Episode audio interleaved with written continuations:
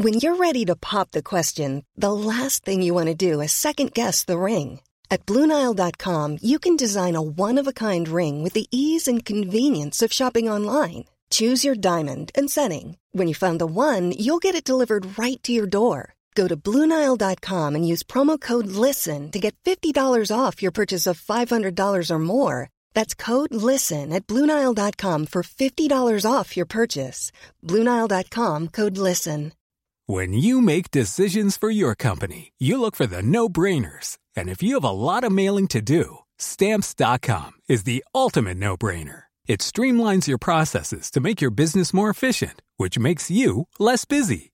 Mail checks, invoices, legal documents, and everything you need to keep your business running with Stamps.com.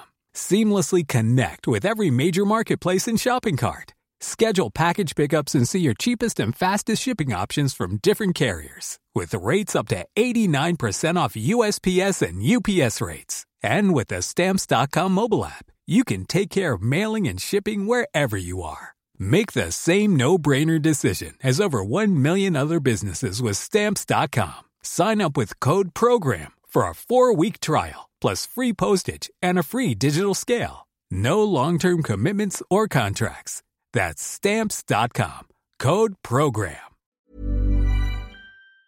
Hei, mitt navn er Marius Lorentzen, og velkommen til denne helgeepisoden av Økonominyhetene, der vi presenterer et utvalgt intervju fra uken som har gått. Hverdagene kan jo være hektiske, og det er ikke lett å få med seg alt som skjer.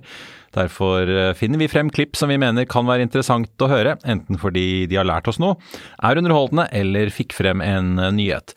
Og med det så setter vi i gang, vær så god. Da skal vi snakke Telekom, for i går annonserte Telenor får vi si, to comeback. får vi si. Tidligere finansdirektør, nå Asia-sjef Jørgen Rostrup flytter hjem fra Singapore, der han i over da tre år har jobbet med å utvikle Telenors muligheter i regionen, som jo historisk sett har vært veldig viktig for konsernets vekst, og der man nå har vært gjennom to store fusjoner og vurderer en mulig børsnotering av hele Asia-divisjonen. Samtidig så går Nordens-sjef Petter Børre Furberg over til å nettopp lede Asia en region. Han har vært eh, nesten 15 år for Telenor i tjeneste, bl.a. som sjef i eh, Myanmar. Og så får vi jo også si da, Sigve Brekke, konsernsjef i Telenor, god morgen og velkommen. Ja. At du også får inn en fra Google til å bli teknologidirektør? Ja, jeg gjør det. Jeg er godt fornøyd med at jeg får inn nå en med en annen kompetanse enn det vi tradisjonelt har hatt i Telekom på teknologi. Altså en som har kompetanse fra plattformspillerne, fra partnerskap, fra, fra AI, kunstig intelligens, skybasert virksomhet. Så, så, det skal bli spennende. Og så er, Jeg må nesten også spørre aller først, da, fordi veldig mange kjenner jo da dagens teknologidirektør i Telenor, Rusha Sabanovic, som vel har vært i Telenor i nesten to tiår. En, også en mildt sagt kjent skikkelse for eh, leverandører som Eriksson og, og Nokia, vil jeg tro. Ja, da, dere sier at dere skal annonsere noe rundt henne. Har du lyst til å dele noe med oss her på Nei, du, direkten? Vi tar et, en og en ting av gangen her. Nå annonserte jeg en ny eh, etterfølger for henne i går. Og så eh, jobber vi med Rusha for å se hva som blir hennes neste posisjon. Jeg tenkte også jeg bare skal nevne for de som hører på, Du Karl Johan, er jo gammel studiokamerat med Jørgen eh, Rostrup. Bare så det er kjent.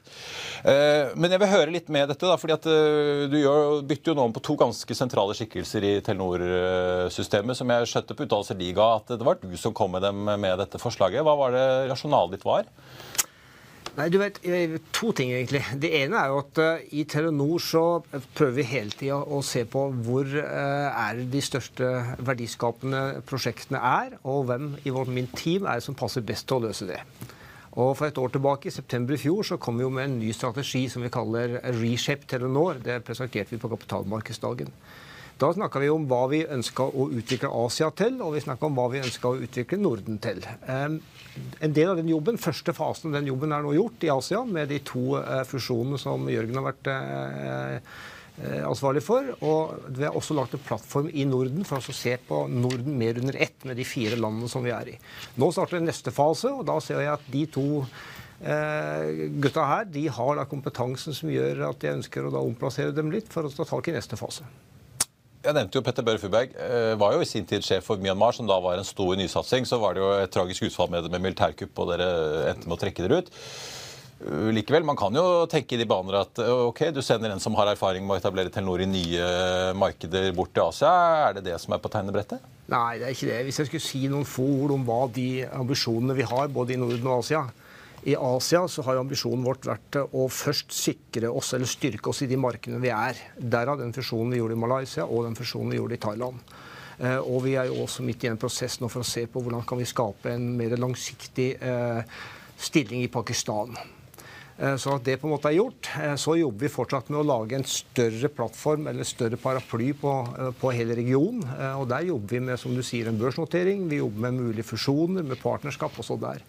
Men så ser vi også nå at uh, endelig så er veksten tilbake i Asia. Det tok mye lengre tid å Etter pandemien, COVID. tenker du på da? Ja. Etter, etter pandemien, mye lengre tid i Asia uh, enn det vi så i vår del av verden. Og nå ser vi den kommer. Og nå ser vi faktisk at uh, ikke bare det er en tradisjonell mobil vekst, men at det er en digital vekst. Og Petter Børre med erfaring både fra Myanmar, fra Thailand, fra Bangladesh og fra alle de asiatiske markedene, mener jeg er godt i stand til å ta det til neste nivå. Mens i Norden så skal vi nå på en, eh, ja, en ganske ambisiøs transformeringsreise. Som jeg sa, Vi er jo godt til stede i fire nordiske land, men vi ser at både kundene eh, og på en måte samfunnet som sådan er såpass like her i Norden at vi må kunne greie å gjøre noe på tvers. Så der skal vi rett og slett transformere oss for å skape verdi. Jeg forstår at du, du, vil kanskje ikke forhåndsvarsle ting som kan skje i Asia. Likevel, Vi diskuterte jo hvordan japanske Softbank nå ser ut til å ville børsnotere chipselskapet sitt ARM i det som har vært et ganske tørt børsnoteringsmarked. Ser dere at forholdene for å kunne gjøre store fusjoner eller en børsnotering begynner å varmes litt opp også i Asia? Ja, det er fusjoner, definitivt. Det var jo derfor vi eh, nå har jobba med de to fusjonene eh, i Malaysia og Thailand gjennom hele pandemien. Dette er noe som vi har drevet med i fire år, faktisk. Det tar jo tid, en del av verden. Ikke bare skal du bygge partnerskap, du skal bygge Du skal på en måte forberede to store selskaper å gå sammen. I Thailand for eksempel, nå så fusjonerer vi altså to selskaper inn i et nytt selskap med 21 000 ansatte, 55 millioner kunder. Eh, det er store verdier. Å få det her til å fungere, det tar tid. Så det det fortsetter vi å jobbe med. Og det vi jo ser i den delen av verden, er at eh, den markedsstrukturen som på en måte har vært OK de siste 20 årene, når det var på en måte vekst nok til alle, den må du gjøre noe med. Altså Du må konsolidere inntil sterkere spillere som kan ta disse digitale posisjonene. Når det gjelder børsnotering, så det får vi nå se litt da, hva som er den rette timinga på det. Men vi jobber da med flere alternativer. Og, og hensikten vår er også å lage et Asia som gir oss større fleksibilitet og større opsjonalitet, som vi kaller det, til å kunne sitte og ta hjem, eh, ta hjem eh, dividender, altså ta hjem cashflow, eh, så lenge vi ser at det er mulig å skape penger i Asia. Men også som gjør at vi enten kan gå noe ned, eller at vi kan ha en fleksibilitet til, til å, å, utvikle Telenor videre eh, i kraft med hvordan vi ser disse markedene utvikle seg. Here's a cool fact. A crocodile can't stick out its tongue. Another cool fact you can get short term health insurance for a month or just under a year in some states.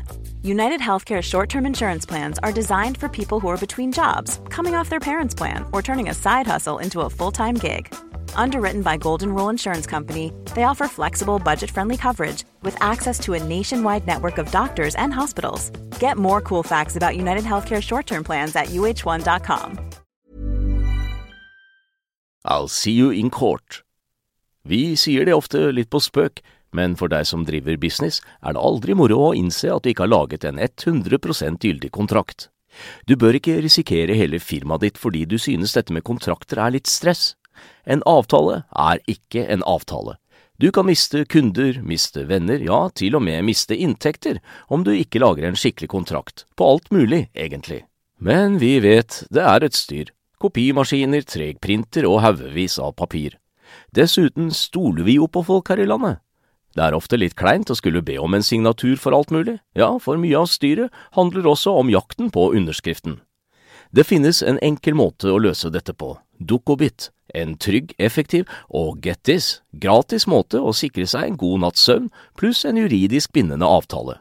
Dukkobit-appen har de strengeste sikkerhetskrav i bunn, samt en EU-godkjent og sertifisert teknologi. Framover vil det bli behagelig å spørre du, skal vi skrive under på det, eller? Kom i gang på dokobit.no. Har dere noe intern tidsfrist eller for når dere ønsker en avklaring om Pakistan? da? Hvor dere er nummer tre i markedet? Ja, som er liksom det, det, det, ene landet hvor dere på en måte ikke har eh, gjort noe ennå? Ja, der har jeg sagt at i løpet av det halvåret her så må vi finne en løsning.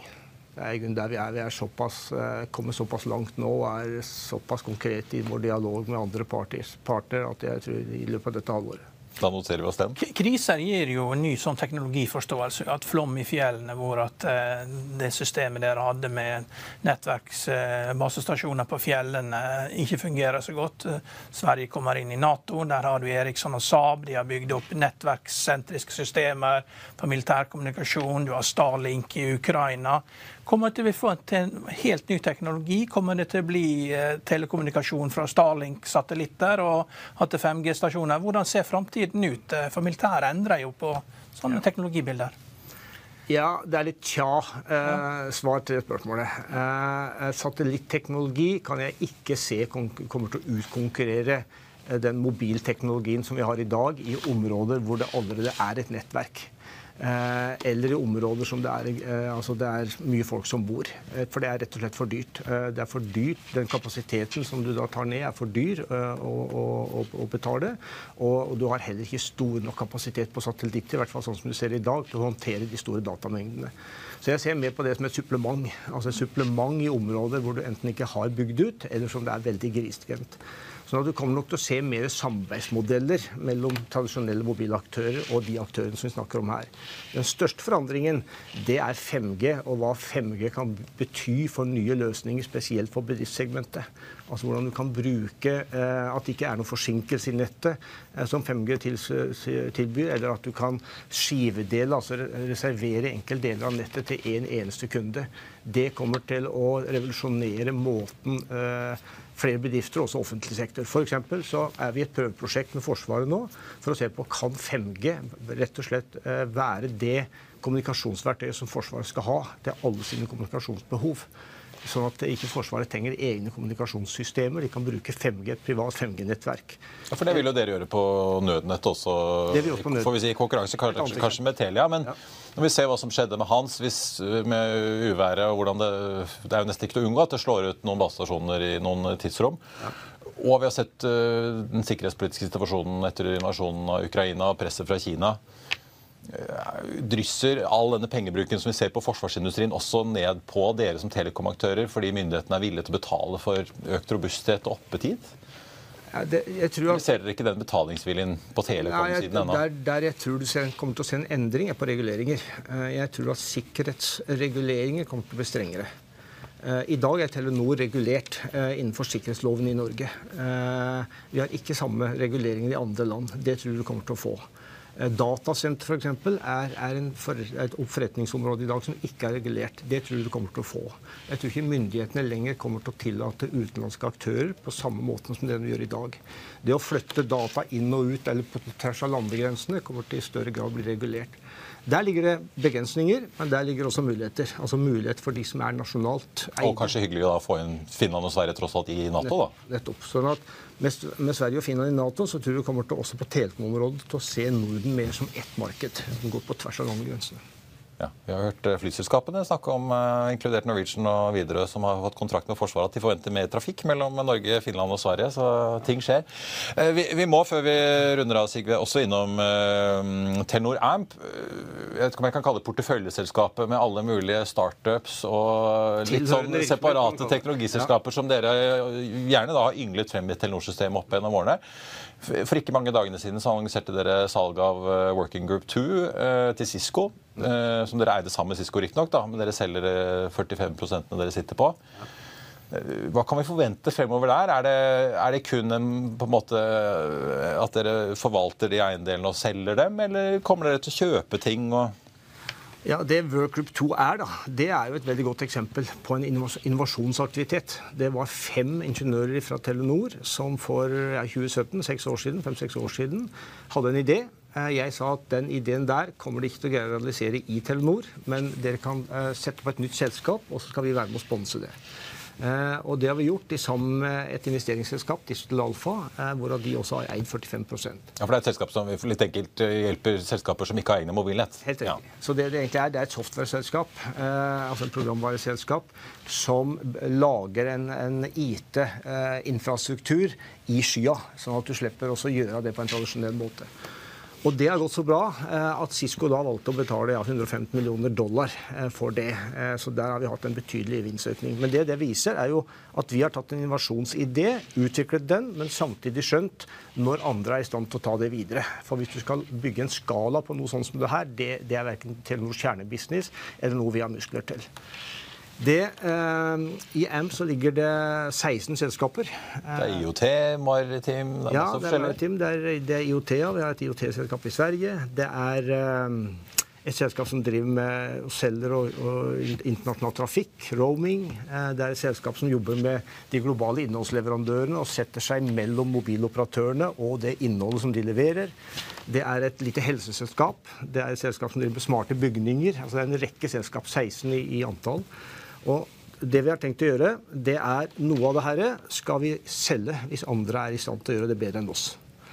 Noe av det skal vi investere i. sånn at F.eks. det, det der lille eh, helse, digitale helseskapet det har vi tro på at vi kan være med å investere i og, og bygge skala på. Mens noe av det skal vi rett og slett ta en større posisjon på. Og de to tingene vi har tenkt å gjøre det på, det er IOT og det er sikkerhets, altså sikkerhetstjenester. Og På de to områdene, IOT og sikkerhet, der har vi nordiske ambisjoner. Eh, så der kan du forvente at vi både organisk og kanskje også inorganisk kommer til å vokse. Vi skal eh, følge med. Til slutt må jeg jo spørre deg, nå som du gjør endringer i ledelsen, du er ikke redd for å miste noen til Telia da, nå som de er på sjefsjakt, etter at Asen Kirby går til BT Group i London? Ja, du vet, Telenor har vært en god rekrutteringsbase for Telia, og også for en del av våre andre eh, som andre mobiloperatører. Jeg er stolt igjen når folk er lært opp i Telenor og da finner en plass hos andre. Vi får se hvem som ender med å lede konkurrenten eh, borte i Stockholm til slutt. Sigve Brekke, konsernsjef i Telenor, tusen takk for at du kom til oss. Og det var det vi hadde for deg i denne omgang. Du finner flere klipp inne på f1.no-tv, eller ved å søke opp Økonominyhetene hos Apple, Spotify eller der du måtte høre på podkast. Mitt navn er eh, Marius Lorentzen, og vi er tilbake igjen eh, på mandag med Børsmorgen og Økonominyhetene. I mellomtiden så ønsker jeg og alle vi her i Hegna Media deg en riktig god helg. Takk for nå. Økonominyhetene er en podkast fra Finansavisen. Programledere er Marius Lorentzen, Stein Ove Haugen og Benedikte Storm Bamvik. Produsenter er Lars Brenden Skram og Bashar Johar. Og ansvarlig redaktør er Trygve Hegnar.